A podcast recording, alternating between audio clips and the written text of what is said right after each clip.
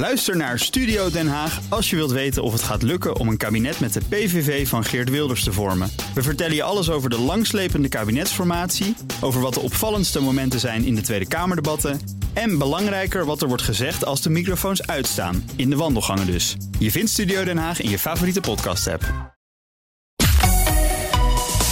BNR Nieuwsradio. De AEX-factor. Paul Lasseur. Welkom bij de AX Factor met daarin alles over de beurzen, beleggen en vermogen opbouwen. We struinen de beurs af voor het belangrijkste en meest bizarre nieuws van Bitcoin tot Tesla, van goud tot sojabonen. Financieel onafhankelijk voor je dertigste. Of gewoon een zorgeloze oude dag. Het komt allemaal aan bod. En we kijken verder dan alleen beleggen in aandelen. Kortom, je bent helemaal bij als je luistert. En ons panel vandaag bestaat uit Corné van Zijl, analist bij Actiam. Dag Corné. Dag Paul. Fijn dat je er bent. En Casper Burgering, nieuw in dit programma. Ja, klopt. grondstoffeconoom bij ABN AMRO. Goed dat je er bent. Bedankt. Hallo. Ja, beleggen is razend populair en dan vooral beleggen in aandelen. Maar veel beleggers hebben nog nooit een euro gestoken in grondstoffen. Terwijl daar misschien wel gouden bergen liggen. De keuze is reuze en de prijzen gaan hard omhoog. Daar gaan we het zo over hebben. Maar eerst een greep uit het belangrijkste beursnieuws van de afgelopen week. Drie keer meer winst, 80% meer omzet. Ik heb het over ASML. Peter Wenning, welkom. Dat komt inderdaad door die onstilbare honger naar chips. Het is niet alleen het thuiswerken. Ik denk dat we met z'n allen onderdeel zijn van een hele digitale transformatie. En dat, is eigenlijk, dat zie je eigenlijk overal terug. Last night they reported an extremely disappointing subscriber number, uh, and then they gave a more discouraging outlook about the future. Not so hot quarter, ugly guidance. Sell, sell, sell. So of course the stock got hammered, down more than seven percent today. Obviously, this quarter was disappointing. There's no way around the fact that probably the guidance, even for Q2, being more disappointing than the Q1 results. That said, I, I want to remind you know everyone that's watching today, this has happened before, many times actually. Randstad zit qua werk weer op het eh, niveau van voor corona. We doen het eh, beter dan de markt in heel wat landen. Eh, Amerika, Frankrijk, België, Duitsland. Het, het is niet, hè, die financiële crisis, wat je zei, dan lag echt alles plat. En hier waren een aantal sectoren die wel degelijk eh, ja, profiteerden van de crisis of die juist gingen groeien. En daar hebben wij als bedrijf heel snel op ingespeeld. Ja, dat was de afgelopen beursweek. Ja, we hoorden het al, ASML heeft het heel goed gedaan. Eh, chipmakers trekken de machines bijna uit de handen van, eh, van ASML. En, en ze zijn bezig met een inhaalrace om het wereldwijde tekort aan computerchips eh, in te lopen. En daarvoor zijn de machines van ASML onmisbaar. Dus het zijn toptijden voor het bedrijf uit eh, Veldhoven. Het afgelopen kwartaal 4,4 miljard euro omzet, bijna 4,5 miljard. Twee keer zoveel ook bijna als in dezelfde periode een jaar geleden. En voor het hele jaar rekent ASML op een groei van de omzet met 30 procent. Drie maanden geleden was dat nog eh, een verwachting van 10 procent. Ja, wat is er in korte tijd eh, veranderd, Corné? Nou ja, eigenlijk heel veel dat iedereen nu een, opeens een chipfabriek wil neerzetten. En ja, daar kan eigenlijk maar één soort machine in. En dat is die van ASML. Omdat die eh, zo goed als uh, het monopolie hebben op uh, met name de ontwikkelde machines. Of de, de nieuwe machines. Dus dat betekent dat je automatisch bij ASML komt. En het grappige is dat er zijn heel veel chipfabrikanten, zoals Intel, maar ook Samsung, die uh, expansieplannen hebben aangekondigd, maar nog niet de orders uh, bij ASML hebben geplaatst. Dus we zijn eerst nog, uh, voordat je een fabriek hebt neergezet, begin je met mm -hmm. het proces. En de, de, de, machines zijn niet de eerste. Maar dat betekent dus dat de orderportefeuille in de komende, nou, dit jaar nog flink zal gaan groeien. Dus dat, ja. Het is een beetje een lange varkenscyclus die je dan hebt. Het is een hele lange varkenscyclus. En komt nog een structureel element bij. Dat, dat, je, dat een heleboel regio's nu hebben gemerkt dat je niet meer van China afhankelijk wil zijn. Ja. En daarom gaat chip-producent uh, Intel ook vooral in Amerika investeren. Ja, dat betekent dat je daar hele de infrastructuur moet neerzetten. Ja, en dat zijn allemaal weer machines van ASML. Ja, dus dat, dat is ook kassa in, in Veldhoven, die rinkelt. Casper, uh, wat ik me afvroeg, hè, ik had het daar met Corné net over, over voor de uitzending. Maar kijken jullie naar computerchips als naar een grondstof? Maar dat wordt het wel een beetje. Het is, het is een onmisbaar onderdeel voor, voor, voor, eigenlijk alles wat we, wat we gebruiken. Ja, het begint er een beetje op te lijken. Maar ik denk dat dat nog niet het geval is. Een grondstof uh, puur zang, dat is natuurlijk heel iets anders dan een, dan een chip. Maar uh, inderdaad, het is de schaarste in grondstoffen zien we ook. En dat zien we nu ook in chips. Ja, maar het, het gedraagt zich wel als, als een grondstof ook. Uh... Nou ja, ook daar zie je dat je echt wel lang van tevoren moet investeren. En als je dat achterlaat en de vraag trekt opeens toe dat er enorme prijsexplosies. Nou, dat is eigenlijk precies hetzelfde Hmm. wat je in grondstoffen ziet. En dat zie je dus nu ook bij, bij, eh, bij chips. Ja. Nou, grote chipmakers als eh, TSMC hè, uit Taiwan en het Amerikaanse Intel, die, eh, die kloppen allemaal aan bij ASML. En het chiptekort houdt nog wel even aan, waarschijnlijk tot 2022. Tegen de tijd dat al die machines er staan, is het tekort waarschijnlijk alweer weer weggewerkt. Ja, Dat, dat, dat risico loop je nu wel. Maar eh, kan ASML nu een nog hogere prijs rekenen voor die machines? V- eh, Vertaalt die schaarste zich meteen naar, eh, naar de prijzen? Ja, je zag het. eh, de, kijk, de machines die nu worden uitgeleverd zijn natuurlijk op basis van de prijsafspraken die ze destijds hebben gemaakt. Maar toen gingen die prijzen al omhoog. Want dat zag je ook terug in de, de operationele marge. Die ging boven de 50% 50,5 zeg ik even uit mijn hoofd. Dus wat dat betreft zie je dat al dat die ijzersterke marktpositie dus zich toen al uitbetaalde. Ja, en hoe meer dat is. Het is wel zo dat ASML een hele sterke relatie. eh, Ze hebben ook niet zoveel klanten. Dus ze willen ook niet het onderste uit de kan halen. Dus eh, ja, er zal eh, een mooie prijsstijging te zien zijn. Maar niet te mooi. Ze gaan ook voor de langjarige relatie met, ja. hun, met hun afnemers. Ja, goed, ze kunnen de vraag ook niet bijbenen. het kost jaren om die productiecapaciteit uit te breiden. Ehm, dus in, in zekere zin is dit chiptekort voor, voor ASML zelf ook een, een bottleneck. Ja, maar, ja, een- ja, maar vooral een opportunity in hun geval. Want eh, het betekent alleen maar dat er meer productie moet worden bijgebouwd. En dan moet je bij ASML. Maar goed, maar die hele keten loopt natuurlijk een beetje, een beetje vast. Hè. Dat, dat stroopt allemaal op. Ja, je ziet het al bij eh, autofabrikanten. Die zitten echt nu in de problemen. Want een auto kan niet gemaakt worden als je niet genoeg chips hebt. En daar hè, is gewoon een tekort aan. Dus die, die komen tegen productieproblemen. En dat ga je in meerdere sectoren zien. Maar goed, die, die, die machines die ASML in het eerste kwartaal heeft, eh, heeft geleverd of heeft verkocht... Die, die maken nog geen chips bij op dit moment. Eh, boe, zo goed zit ik niet in de Ik kan me niet in de- in de voorstellen dat die opstellen sprong al... eh, nou, dat, dat lijkt me haast niet. Maar goed, er, er zijn nog meer structurele veranderingen... Hè, waar ASML ook van profiteert. Het is niet alleen dat tijdelijke chiptekort...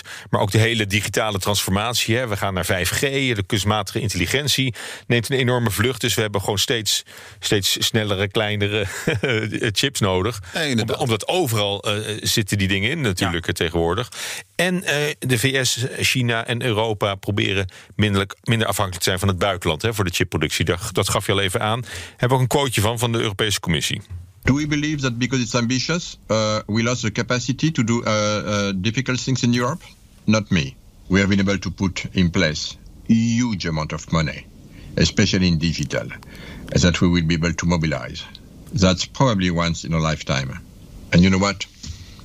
I don't want to miss this opportunity. Ja, Thierry Breton. Om eens keer een beetje hallo, hallo. aan te zeggen. Dat, eh, ik wou het net zeggen. Dan weet je zeker dat het van de Europese eh, Commissie komt. Maar goed, die hebben een ambitieus plan. Ze willen veel meer eh, computerchips maken. En dan ook nog eens van de meest geavanceerde soort. Dat zegt eh eh, Eurocommissaris voor de interne markt, Th- Thierry Breton. Eh, mag HSML zich in de handen wrijven bij dit soort stoere uitspraken? Ja, in principe wel. Het is in ieder geval de tendens dat, dat je local voor local gaat produceren. Hè, nogmaals, want je wil niet afhankelijk zijn van, van China. We hebben gemerkt dat dat een nadeel is. En hetzelfde geldt voor de Verenigde Staten. Dus dat betekent overal lokale productiefaciliteiten. Ja, en zo'n fabriek, ja, daar, daar moeten eh, chipmachines in. Ja, maar goed, eh, ASML zit een beetje klem hè, tussen, tussen China en, en de VS. Want de VS wil niet dat ASML zijn meest geavanceerde chipmachines naar eh, China exporteert. Onder meer om te voorkomen dat China te ver voorop raakt. Maar ook hè, v- vermeende spionage altijd. Hè, die, die, die achterdeurtjes die, die daar dan worden ingebouwd. Dus in dat opzicht pakt die eh, geopolitieke situatie ook weer negatief uit voor ASML. Omdat, omdat de Amerikanen dan voorschrijven eh, op welke manier ze zaken mogen doen met de Chinezen. Ja. Nou is, is de Chinese verkoper, eh, daar, daar zijn ze mee bezig, maar dat, is, dat stelt eigenlijk helemaal niks voor. Het is vooral eh, om, om China heen. Hè. Taiwan is een hele grote producent, maar ook Zuid-Korea. Dus daar vindt met name die productie plaats. En dat zijn de- ja, de grote klanten waar, die daar zitten. Hè. De Samsungs van deze wereld en zo, TSMC zoals je al zei. Dus het, het, het wegvallen van China is eigenlijk een, een klein minpunt... eh, waar er een grote mogelijke plus staat voor de grote productie in plus in, Europa ja. en eh, de Verenigde Staten. Dus dat hele, die, die hele protectionistische tendens in, in de wereld eh, is niet iets waar ASML heel, heel veel last van gaat krijgen. Nou, ik denk eerder profijt van hebben. Zo Oh, hebben. Nou, we zullen, het, eh, we zullen het gaan zien. Het is wel een echt een absolute beurslieveling. Hè? Ik heb het er ook wel eens over gehad, omdat het natuurlijk een spin-off van, van Philips is oorspronkelijk. En dat het al zoveel meer waard is dan, eh, Ja, ja, dan, ja, dan nee, de oude, inderdaad. dat oude moederbedrijf. De waardering, is, ik geloof 42 keer de verwachte winst of zo. Dat is gigantisch. Maar je ziet ook dat die taxaties, die lopen zo ook achter de koers aan. Ik zag net een, een analistenrapport voorbij komen... Maar die zijn taxaties eventjes met 20% ging verhogen. Dus, uh, dat, Nog altijd, want dat, dat, dat is echt al jarenlang is het zo. Nou, dat is wel mooi, dat zo'n volwassen bedrijf dat soort sprongen nog weet te maken. En dat, ja, met dat soort marges. En ja, het mooie is, het is een geaccepteerde monopolist. En dat maakt het ook wel mooi. Niemand kan om het bedrijf heen. Ja, goed. En dat, en dat zie je dan terug. Maar ook in, de, in, het, in het koersrendement zie je dat terug, denk ik. Ja, ook, dit, ook dit jaar weer plus 32 procent, zeg ik even uit mijn hoofd. Het, is, het, het, het houdt wel een keer op, want het is ook heel veel marge Maar ik weet, ja, ik zie eventjes, behalve dat die China-factor, niet echt veel beren op de weg, moet ik eerlijk bekennen. Oh. dat klinkt bijna als een aanbeveling. Zeker niet. niet. Oké, nou goed. De chipmakers die hebben een schreeuwend tekort aan, aan machines hè, van ASML. Maar bij Netflix, maak even een bruggetje, zitten ze te springen om nieuwe abonnees. Want in het afgelopen kwartaal viel het aantal nieuwe accounts flink tegen. De streaminggigant heeft veel last van de extreme concurrentie op die markt hè, voor streamingdiensten. Um, analisten rekenen vooraf op ruim 6 miljoen nieuwe abonnementen. Nou, het waren er maar 4 miljoen. Ja, is dat alleen de opmars van, uh, van Disney Plus, Amazon Prime en uh, Apple TV? Ja, simpelweg wel. Je hoorde net Jim Cramer al uh, uh, daar wat uh, mooie dingen over zeggen. En daar heeft hij wel helemaal gelijk in. Het zijn met name de digitale die tegenvallen. Het is bijna net zo'n karikatuur als die eurocommissaris, toch?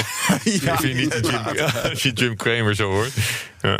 Uh, maar ja, het, het, valt vooral tegen. En je, je kon aan de cijfers van Disney zien dat Disney Plus daar echt de, de grote uh, ja, profiteur was, was, was. de winnaar. Die was duidelijk de winnaar. En het grappige is, als je gaat kijken wat, wat die bedrijven nou investeren in nieuwe producties. Netflix investeert per jaar 17 miljard in nieuwe producties. En Disney. 17 miljard. 17 miljard. Ja. ja. en dan komt Disney. En Disney, de, de, maar de helft, 9 miljard. Ah, Oké. Okay. Oh, dat ze er nog overheen Nee, nee, nee, nee. Maar het, het... En, en waarom ik dat dacht, is omdat Netflix juist had aangekondigd om elke week met een eigen film te komen. Ja. Als, als het ultieme aanvalsplan om de concurrenten af te troeven. Maar dat is, voor, voor Disney heeft dat niet het verschil gemaakt. Nee, ik denk dat veel mensen toch naar Disney gaan vanwege de oude content. Uh, ik, ik heb in beide geen abonnee, dus ik kan niet uit eigen ervaring spreken. Heb je ook geen Netflix-account? Ik heb helemaal niks, nee. Nee? En, en je kinderen ook niet? Dat je gewoon meekijkt op, op hun, uh, op hun Ja, account. nee, mijn kinderen wel. Maar uh, daar zou ik eens onderzoek aan moeten doen. Wat hun nou... maar ik geloof dat ze allemaal, alle vier hebben ze allemaal verschillend abonnement... zodat ze alles kunnen zien. Oké, okay. oh ja, dat wordt onderling een beetje, een beetje uitstellen. Maar goed, voor, voor het tweede kwartaal verwacht Netflix maar uh, 1 miljoen nieuwe gebruikers. Dus op, op die, in die zin lijkt ze ook wel hun ambities een beetje te, bij te stellen. Nou, ik denk dat dat meer het gevolg is van dat we echt in een post-corona-periode komen. Uh, we gaan nu echt leuke dingen doen dan alleen oh, ja. maar thuis naar Netflix zitten kijken. Zoals iemand. Uh, dus dat bintje is afgelopen. Het bintje is afgelopen. We gaan nu naar in Instagram-waardige momenten, zoals iemand dat mooi zei. Maar goed, en, en dat plan dan om, om elke week een nieuwe film te, te produceren? Ik bedoel, die, die 17 miljard moet je ook ergens aan uitgeven. Ja, nou, wat je veel meer ziet is dat het uh, veel meer local content gaat worden. De, de groei in de Verenigde Staten is er nu al uit. Dus je gaat veel meer in andere regio's kijken. En daar heb je ook echt meer local content nodig. En daar wordt nou ook heel veel oh, op ik, ingezet. Ik heb die serie over dat Franse reclamebureau heb ik, uh, heb Dat gezien. is een heel mooi voorbeeld daarvan. Die, die Maar dan, dan, dan is dat dus local. Ja. Dat, wij naar een Franse productie moeten kijken. Dat zien zij als Europees. Ja. ja misschien is dat nog wel een, ja, een tip nee, voor je, je, je, ziet ook dat ze Nederlandse producties maken. Dus je ziet veel meer, maar ook in, in, Ja, in India. En, dat, en ja. dus je ziet veel meer uh, local voor local. En daar wordt veel, dat is ook relatief duur, maar daar wordt al vooral ingezet. Ja. En de, ja, de concurrentie is moordend natuurlijk. Hè. Het is enorme operational leverage. Dus iedere klant die je erbij krijgt, daar wordt om gevochten. Maar, maar gaat, gaat het eigenlijk, denken jullie, tussen, tussen Disney en Netflix? Of, of doen Amazon Prime en Apple TV Plus eh, er ook nog wat toe? Oeh, eh, ja, ik- vind ik moeilijk. Ja, ik heb zelf ook een eh, Netflix-abonnement. Ja, nee, ik ook. Maar, eh, En ehm, ik, ik weet bijvoorbeeld dat je al eh, vijf abonnementen of eh, vijf kanalen krijgt op één, eh, één abonnement. Die kan je vrolijk rondstrooien waar je maar wilt. Dus misschien zit daar ook een beetje eh, een eh, verkeerd verdienmodel in. Nou ja, dat komt door die operational leverage. Je moet het zo aantrekkelijk mogelijk maken dat die ene klant toch naar jou komt en niet naar de concurrentie. Want ja, dat is wel bijna 100% marge. Dus vandaar die, die sterke concurrentie. Maar als je gaat kijken, Amazon eh, Prime is echt wel eh, redelijk upcoming. Ja, hier in Nederland niet zo, maar in de Verenigde Staten schijnen ze echt wel eh, echt de, de, de derde partij te, te worden. Maar goed, hoe kan, hoe kan Netflix, hoe, hoe komen ze ooit af van die enorme cashburn? Hè? Als, als, uh, je, je, gaat dat nooit terugverdienen natuurlijk. Als je, Met 17 als, miljard. Nee, als, als, als, als je zo de sprong voorwaarts maakt. Het is echt een vlucht naar voren om, om alleen maar zoveel mogelijk nieuwe producties te maken. Ja. Wel van topkwaliteit hoor, ook met topacteurs. En ja. uh, het is allemaal uh, Oscar-waardig ook. Nee, wat, wat, wat, natuurlijk ook wel, wel, wel gaaf is, dat ze, dat ze dat niveau hebben bereikt. Ja, het is wel zo, als je gaat kijken naar alle analistenrapporten... die zien wel in de komende jaren echt de sprong uh, van in free cashflow uh, gemaakt worden. Uh, met name, ja, als je die miljoen klanten erbij hebt... het zijn er natuurlijk een heel stuk minder... maar het is wel een miljoen keer zoveel mm. opbrengst per maand... wat je er echt per maand bij krijgt. Ja, maar maken ze al winst, of niet? Denk ze niet, maken, ja? dacht ik, net aan winst beetje break-even. met een beetje geluk. Ja, inderdaad. En het, is, het zal niet uh, veel zijn. Ik denk dat je in dit soort gevallen echt naar de free cashflow moet kijken. Omdat het, ja, hoe ga je die, mm. die series, hoe ga je afschrijven? Ga je dat als operationele kosten nemen? Of zet je het op de balans omdat je het nog jaren kan gebruiken? En de grootste uitdaging wordt, uh, wat je al zei, uh, dat, uh, dat het binge-watchen en, en, de lockdown overal is opgegeven. Ja, nee, maar dat, dat, dat wordt het thema voor dus 2021. Het was, het was misschien echt een, een stay-at-home stok. Ja, ja. En, dat, uh, en, en die categorie die, die wordt opgeheven. Natuurlijk. Inderdaad, en zo zien beleggers het ook. Als je ja. naar de koers van Netflix kijkt, die, die staat al zo'n beetje een half jaar wat onder druk. Oké. Okay. Nou, aangeschoven intussen is Wesley Weerts. Zoals elke week gaan we met jou vooruitkijken naar de komende week. Je hebt ook een jingletje onder de knop. Daar is hij. Nieuwsradio. De AEX-factor. Paul Lasseur. Ja, ik voel me ook een, een beetje DJ vanaf ja, deze kant. Ja, ja, zo zie je er ook een beetje uit. Uh, achter, achter glas. Ik, ik, ik, zie, ik zie je aan uh, de, de schuiven opentrekken. Maar um, ja, we kijken even vooruit naar de komende beursweek... waarin uh, Philips... Die naam viel al even. Die, ko die, komen met cijfers. Het oude moederbedrijf van, uh, van ASML. Uh, nou ja, goed. In het coronajaar zag Philips eigenlijk beide kanten van de medaille. Hè? Ja, we hebben het vaak over de winnaars en verliezers van de coronacrisis. Nou, een bedrijf als ASML, daar hadden jullie het net over bijvoorbeeld. Nou, dat kunnen we denk ik wel als uh, de winnaar bestempelen. Terwijl een Booking.com, ja, die kunnen we dan weer tot de verliezers rekenen. Maar je hebt ook bedrijven die aan de ene kant worden geholpen door de uitbraak van het virus. En tegelijkertijd ook ontzettend worden tegengewerkt. En daar is Philips denk ik wel een goed voorbeeld van. Uh, Philips heeft het coronajaar overigens aardig doorstaan. Vooral dankzij de enorme vraag naar beademingsapparatuur. Ziekenhuizen bestelden die apparaten in grote aantallen voor hun IC-afdelingen, waar die COVID-patiënten liggen. die liggen daar aan de beademingsapparatuur. En ook monitoren voor de ziekenhuisbedden waren in trek. Maar omdat ja, de ziekenhuizen de normale zorg grotendeels uitstelden, bestelden ze ook veel minder van dat soort apparaten, hè, die ze voor de reguliere zorg gebruikten. En ook andere divisies van Philips, die boerden veel slechter. Zeker aan het begin van de pandemie kochten we veel minder elektrische tandenborstels en scheerapparaten. Dat is later wel weer wat aangetrokken. Ik denk ook uh, toen die kappers dichtgingen uh, en mensen die hun baarden laten trimmen bij de kapper, mm. dat die ook zo'n zo'n baardtrimmer hebben aangeschaft. Dat trok wel wat aan, maar daar heeft Philips aanvankelijk wel last van gehad. Oké. Okay.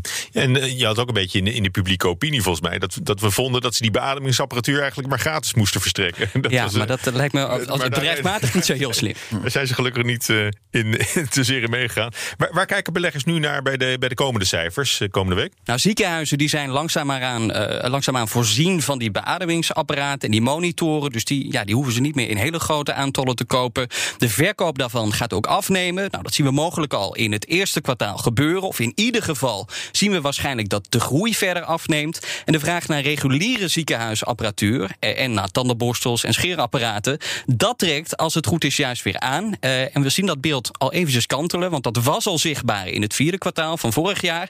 En voor dit jaar voorziet Philips voor beide divisies dan ook een ja, solide groei. En wat dat precies inhoudt voor het eerste kwartaal, ja, dat weten we dan aankomende week. Ja, maar het is dus een beetje een, een evenwichtsnummer tussen die twee, die twee invloeden. Ja, een soort balancering. Ja. Ga, gaan we ook nog iets terugzien van de verkoop van, uh, van de huishoudelijke divisie door Philips? Nou ja, naar de lampentak neemt Philips inderdaad ook afscheid van de divisie die huishoudelijke apparaten maakt. Zo werd een paar weken geleden bekend. Daaronder vallen bijvoorbeeld de koffiezetapparaten, de strijkijzers, de stoomapparaten voor, uh, voor kleding. Maar je moet ook denken aan bijvoorbeeld uh, de blenders en de die uh, tegenwoordig bij iedereen in huis staat. Nou, dat onderdeel is voor 4,4 miljard euro verkocht aan een Chinese investeerder.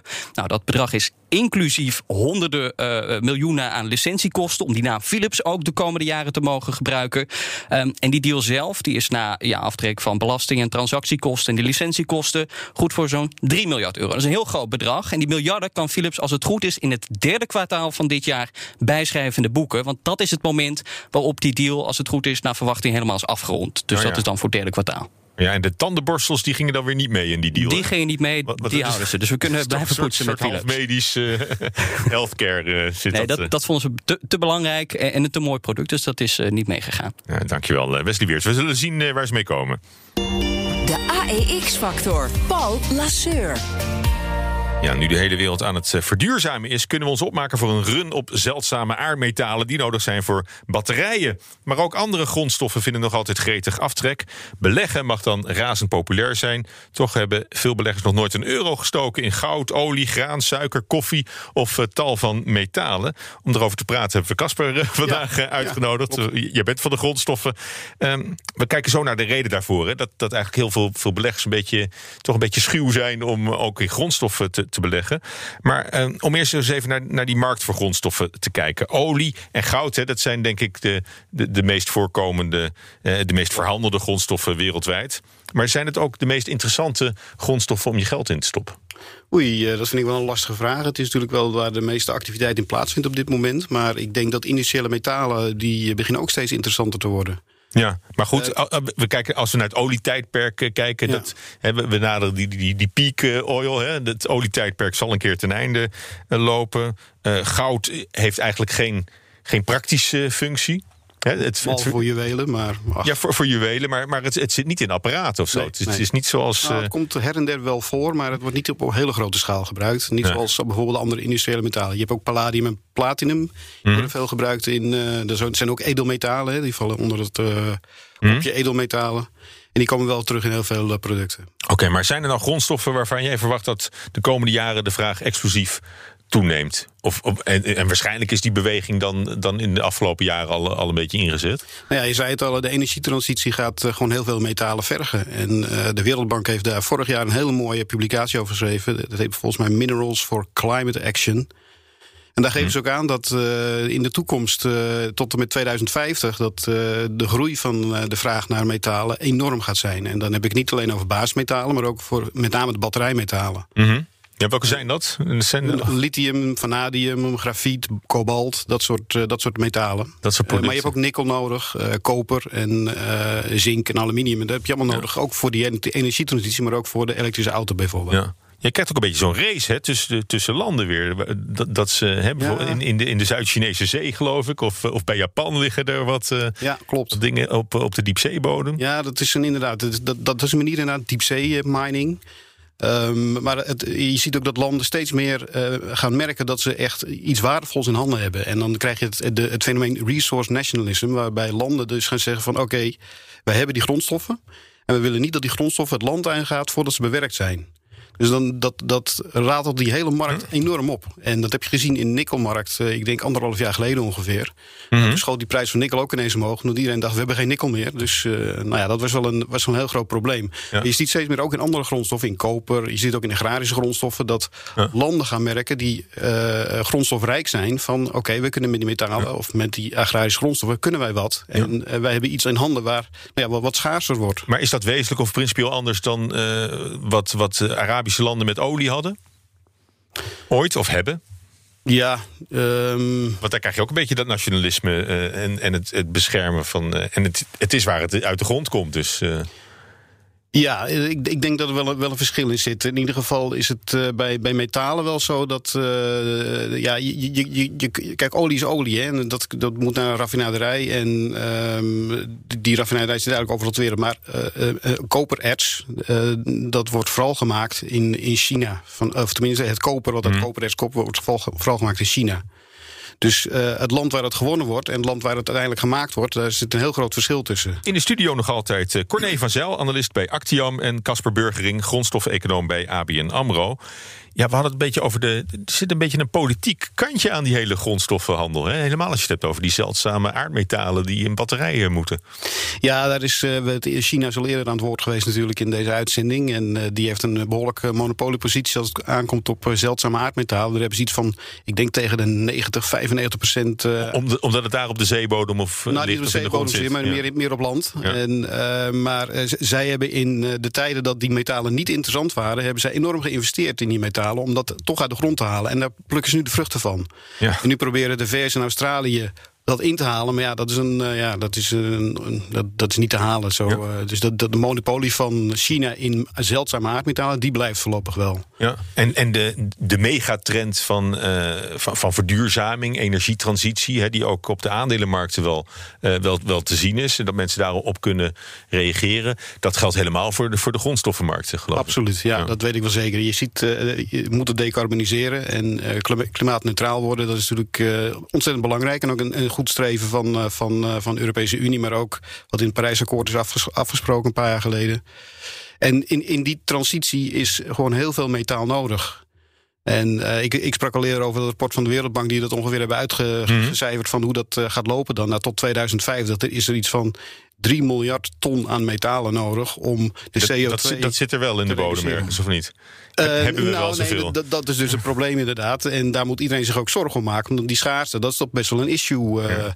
het is, kijk, de definitie van schaarste is... Uh, als het minder dan 250 jaar aan mijn output beschikbaar is... dan is het schaars. Nou, 250 mm -hmm. klinkt lang natuurlijk, hè, dat, dat is het ook wel. Maar uh, je moet wel uh, op het punt zijn van, ja, uh, je moet alternatieven hebben dan. Dus, want ja, het klinkt ver, maar het is best wel, best wel dichtbij. Mm. Er zijn een aantal, er, er, is een aantal van die metalen die, dat, die gewoon echt schaars hebben, waaronder koper. Mm. Koper is na minder dan 100 jaar nog, nog beschikbaar. Dus dat is gewoon best wel een issue. En maar het is wel makkelijk, makkelijker te hergebruiken dan olie bijvoorbeeld was. Dus in die zin is, is het wel een iets ander product. Ja, absoluut. Ja, dit is heel makkelijk te recyclen. De recyclegraad ja. ligt, ligt rond de 70 procent. Uh, dat, ja. uh, dat is inderdaad met, al, met alle metalen trouwens is de recyclegraad heel erg groot. Dat weten ze bij ProRail ook heel goed. Uh. Ja. ja. ja, die koperdiefstal. Hè. Als de koperprijs stijgt, dan... Inderdaad. maar ga je, wat mij altijd opvalt is... vanwege verduurzaming moet je in een aantal van die commodities zitten... maar als je gaat kijken hoe die commodities worden gedolven... en uh, ook aan sociale omstandigheden ja. onder dat gebeurt... Mm. als je naar de koboltmijnen kijkt en dat soort dingen... daar wordt dan altijd volledig aan voorbij gegaan. Hè? Ik rij in een duurzame auto of in een elektrische auto... goh, goh, goh, wat ben ik duurzaam. Maar ik vergeet eventjes hoe, hoe de batterij gemaakt wordt. Ja. Ja. Door kinderhandjes in, uh, in, in, in, verre ja. orde, ja. ja. Ja. Dat is wel, dat is wel een, een heel groot probleem inderdaad. En dat geldt vooral bij kobalt. Daar je de, de sprekende voorbeelden wel van. En uh, mm. nou ja, ik, ik, zie de filmpjes nog voor me van, van uh, kinderen die de mijnen in, inkruipen... om dat spul uh, eruit te halen. Ja. ja, dat, is, dat is wel ernstig natuurlijk. En, maar er wordt ook wel wat aan gedaan, meen ik. dus in, het is, we zijn er nog niet, maar mm. ja, we, we, zijn op de goede weg. Het wordt in ieder geval erkend dat het een groot probleem ja, is. Maar dus, je ziet het ook met, met, de, met de duurzaamheid ook. En als je gaat kijken hoeveel water ervoor nodig is... en hoeveel CO2-uitstoot er is om een, een, batterij te maken. Ja, oh. ja maar, ook, maar ook voor een kopje koffie. Dat, dat hoor je dan ook altijd. Uh, ja. ja. maar goed, dan, dan ook, heb je, koffie is natuurlijk ook... Ook een commodity. De, de, de, ja. Maar dat, is dan meer dat zijn agro-commodities. Uh. Ja, ja. Even die... Um, die, die, Tesla's bijvoorbeeld, hè, dat, is dan, dat, dat is dan duurzaam, want, want die stoot geen uitlaatgassen uit. Maar daar gaan dus wel die accu's in met kobalt en lithium. Ja, klopt. En, en, best wel veel metaal gaat er ook al. Ja. Niet alleen kobalt en lithium, maar ook uh, maar veel aluminium kopen natuurlijk voor elektrificatie. Dus uh, ja, een hele, hele keur aan, aan metalen ja. gaan erin. Uh, en die moeten gemaakt worden inderdaad. En maar, dat... maar even afgezien dan van de, van de sociale kant, die denk ik een beetje, een beetje duister is. En waar we, waar we denk ik veel meer aandacht voor zouden moeten, moeten vragen of, of voor moeten hebben. Um, afgezien daarvan, wat heeft dat gedaan met de prijzen van, van die accu-grondstoffen? Hoe, ja. hoe, heeft, hoe is het rendement op kobalt? Oeh, nou, dat, dat, dat, niet, dat, heb ik niet in mijn hoofd zitten. Maar uh, in ieder geval, het is natuurlijk wel. Uh, nou ja, in al die metalen nu is het gewoon een gekke huis. Het, uh, de prijzen schieten omhoog. Uh, en iedereen wil graag in metalen beleggen. En, want de vraag blijft gewoon goed voor de lange termijn. En dat is uit meerdere rapportages dat wel gebleken dat het zo blijft. Dus uh, daar kunnen we ook wel deels van uitgaan. Ehm, maar ja, eh, eh, het probleem met die batterijmetalen, de- de- het is net begonnen eigenlijk. En het zet wel door, maar tot nu toe hebben we nog voor iets van 1300 jaar beschikbaar aan lithium bijvoorbeeld. Mhm. Nou, dat is best pittig. Ik bedoel, dan heb je het over totaal geen schaarste. Maar die prijs schiet wel omhoog. Dus dat is een hele rare beweging. Maar, En dan- maar waarom, waarom gaat die prijs toch omhoog? Omdat je het nog niet boven de grond hebt. speculatie. Het is gewoon puur het feit dat iedereen zoveel... Nou ja, die, die energietransitie en al die elektrische auto's... eigenlijk een beetje, nou ja, hyped nu. Eh, terwijl er nog niet echt, eh, echt een tra echte Ja, tractie nou, jij noemt het speculatie. Je kunt ook zeggen, het is een no-brainer dat, eh, dat als we zo willen e- elektrificeren, het hele wagenpark moet elektrisch straks. Ja, maar moet moet je kijken hoe lang dat gaat duren allemaal. Ja, maar kijk, bij, bij iedere bubbel zie je dat er een heel mooi fundamenteel verhaal aan de grondslag lag. Sorry, Corné, bubbel? Iedere bubbel. Als ik dat Eh, verhaal van lithium hoor, eh, eh, dan lijkt mij dat dat vrij makkelijk een, als bubbel te definiëren is. Omdat de fundamentele eh, vraag- en aanbodverhoudingen weet je dat dat eigenlijk niet zo schaars is als de prijs wat doet geloven. Maar het fundamentele verhaal dat er een toekomstige veel meer vraag is. Ja, ik, ik refereer dan altijd naar de internetbubbel. Eh, ook daar was een heel duidelijk fundamenteel verhaal. Maar ja, 99% van het geld is uiteindelijk verloren. Omdat er belachelijke waarderingen. dat Al dat geld wat maar na Ja. eh, zat te jagen. Maar, maar bij, bij de internetbubbel belegde je in een idee. Veelal. En, eh, of in een businessmodel of in een plan. En hier beleg je gewoon in een, in een product, in een, eh, in een Ja, raw material. Die producten moeten er nog wel komen natuurlijk. We, hebben- we kennen alle voorspellingen wel van, ik denk tien jaar geleden... over de elektrische auto. En dat zou het worden. En eh, nou, het, het, kon niet, het kon niet op. Maar het is nooit uitgekomen. Dus er liggen nu ook heel veel voorspellingen op straat. Mhm. Maar we moeten er nog wel uit, eh, uit eh, zien te komen. En belangrijk daarin is dat er gewoon goed overheidsbeleid aan ten grondslag Mhm. ligt. En er zijn nu heel veel plannen om die energietransitie eh, vorm te geven. Maar de details zijn nog niet bekend. Dus Mhm. iedereen is eigenlijk nu aan het investeren op iets wat misschien komen gaat. Eh, maar zonder de, de details te kennen. Dus dat is het probleem nu, denk ik. Een Maar beetje. als je nou een, een particuliere belegger bent, hè, en je bent niet vies van een beetje risico, en, je- en het, is, het is jouw eh, overtuiging dat het die kant op gaat. En daarom wil je in, eh, in, in, in, grondstoffen beleggen. Is dat een, is dat een logische redenering? Ja, dus ik koop een elektrische auto. Ja. dat is een uitgave. Nee, nee, nee, maar, maar, maar, maar dat, dat, dat kan een reden zijn om, om eerder in, in materialen te gaan beleggen dan in, eh, in aandelen Tesla. Die het ook uitstekend hebben gedaan, natuurlijk. Ja. Nou, in, in mijn privéportefeuille zitten wat, wat eh, indexfondsen eh, die in commodities beleggen, omdat ik geen verstand van commodities heb. En, maar ik zie het juist als een risicoreductie. Hè. Je hebt meer spreiding ten opzichte van een hele andere assetcategorie. Oké. En, ehm, en jij zit niet in je maag met die kinderhandjes in die kobaltmijnen. Eh, ik, heb naar, ik, heb, ik heb naar het mandje gekeken van de index waar ik in beleg en daar zit geen kobalt in. Maar, maar, maar, iedere maar anders, anders had, je, had je er niets voor van de hand gedaan. Eh, uiteindelijk moet je altijd een keuze nemen. En eh, daar zit. eh, ja, nee. Uiteindelijk. Ik rij in een elektrische auto. Dus wat dat betreft zou ik me kapot moeten schamen dat daar kobalt in zit. Ja, het wat, is is, ook heel- is, speelt het, is, het een, is het echt een issue of niet? Ja, tuurlijk. Het, De- is wel de een ethische issue. kant, Eh, eh. ja, het, is, het zijn arme landen en die hebben niet echt eh, ook de, de kapitaal en, en de kennis om die, dat spul Hmm. allemaal uit de grond te halen op de juiste manier. En dat wij in het Westen misschien wel. Ehm, dus dat, dat, het is echt een issue. Eh, dus daar moet ook echt aandacht aan besteed worden voor de komende tijd. eh. Maar je ziet het ook al, al gebeuren. En De hele discussie die je nu met de zonnepanelen ziet. Dat die eh, bij- Ja. door de Oeigoeren gemaakt wordt. Ja. Ik vind dat een, een goede en terechte discussie. Ja. Ja, goed. En, en nog iets. Ja, eh, politici, bedrijven, die hebben ook de mond vol van de, van de circulaire economie. Een economie zonder grondstoffen, zonder afval. En dan, en dan leun je uiteindelijk toch weer sterk op, eh, op, de, op de nieuwe grondstoffen. ja, Het is eigenlijk een beetje het nieuwe olie. Ja, met wat Casper al zei, met dat verschil dat je olie niet opnieuw kan gebruiken. En die grondstoffen eh, kopen wel. Dus 70 procent. Ja, inderdaad. Dat, dat, loopt, dat loopt aardig Hmm. op, inderdaad. Kijk, natuurlijk, een, eh, het, het, het- als je eenmaal een gebouw maakt, bijvoorbeeld, hè, waar staal in terecht komt Hmm. en koper en alle aluminium, dat, dat blijft wel voor 30, 40 jaar staan. Dus dat is wel een probleem. Dus je kan eh, die ertsen kan je niet wegdenken uit het, economisch systeem. En dat is, eh, dat is nu waar we voor staan. Je hebt altijd primair materiaal nodig. En je kan nooit een economie volledig laten draaien op, op schroot. Hmm. Ja. Want eh, het aanvoer van schroot op jaarbasis is gewoon veel te kort voor de behoefte die we hebben aan metalen. Maar goed, als ik jou zo hoor, dat klinkt als een beleggingsstrategie. Ja, nou ja, dat. eh, Maar ook, ook, voor, ook voor particulieren kan ik me voorstellen dat die, dat die best willen. Maar dat, En, en dan toch de vraag, wa- waarom wordt het eigenlijk zo weinig gedaan door, door particuliere beleggers? Ja, ik denk omdat je niet zozeer in individuele metalen of, of andere grondstoffen kunt beleggen. En dat is denk ik het grote ding. Ik heb ook bij nagevraagd gedaan bij ABN AMRO... van hoe kunnen wij dan hoe kunnen wij particuliere beleggers eh, bedienen hierin. Nou ja, wij, wij hebben wat fondsen. eh, en en die, die volgen de CRB-index. Dat is die index waar een x-aantal eh, grondstoffen in zijn opgenomen. Dus dan heb je goede spreiding in je portefeuille natuurlijk. eh, Ja, maar, daar, daar top je het ook een beetje mee af natuurlijk.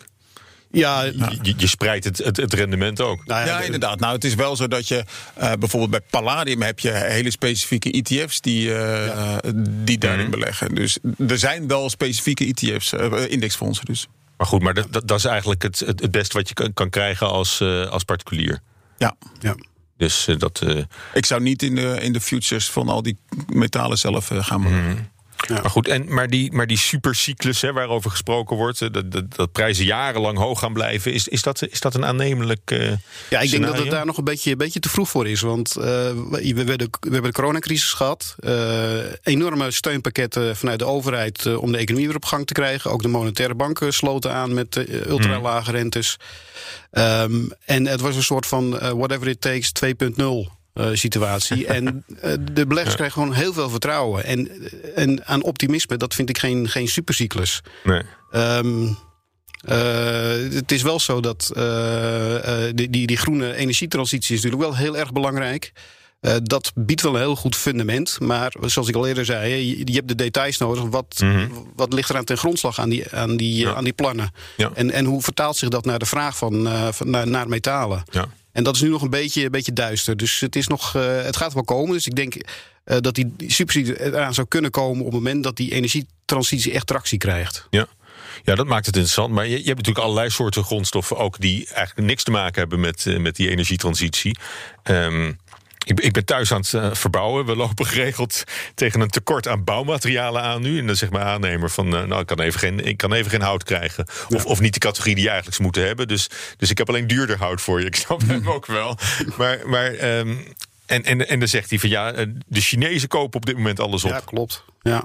Maar dat, dat is, eh, Ja, is. Is er een weg voor particulieren om in, in de houthandel te, te beleggen, of ook niet? Nou, daar heb ik eerlijk gezegd geen. Ik volg de, de houthandel niet, niet zozeer Nee. in die zin. Ik heb wel gezien dat de prijzen enorm zijn gestegen in de afgelopen week. Dat is echt. eh, Teakplantages was, was een paar jaar geleden heel erg, heel erg populair. Ja. Ja, nou ja, dat is ook het risico wat je dus loopt. eh, Dat je, dat je in de handen van allerlei boeven komt te vallen. De, je, je, je hebt wel futures in, in, in Timber, dat weet ik wel. En die zijn vervijfvoudigd in, die- vanaf het dieptepunt vorig jaar. Ja. Ehm, en eh, er zijn ook wel wat houtfondsen, maar ik weet niet of die actief of passief zijn. Maar Ja. En eh, al andere dingen, die, die, die agro-sector, zit, zit je daar een beetje in? Ja, Ik was klopt. nog niet. Ja, de graanmarkten en de softs. Graanmarkt heb je het eh, over tarwe, sojabonen en mais. Mhm.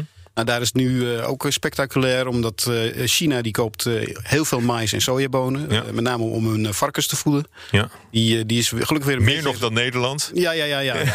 La- las ik deze week. Nou, ze zijn flink geslonken, hè, die, die, die stapel sinds eh, Hm. de Afrikaanse varkenspest vorig jaar of anderhalf jaar geleden. Ja. Maar het herstel is echt enorm geweest. En ja, die varkens moeten, moeten voer krijgen. En dat vinden ze uit sojabonen, want die zijn proteïnerijk. Maar ook uit mais. Maar ook als de prijs te, te hoog wordt voor, voor die producten, gaan ze ook naar, naar tarwe. Dus eh, zelf is China een enorme tarweproducent. Maar ze, ze, ze zijn er niet, eh, niet vies van om ook heel veel te importeren. Dus eh, Ja.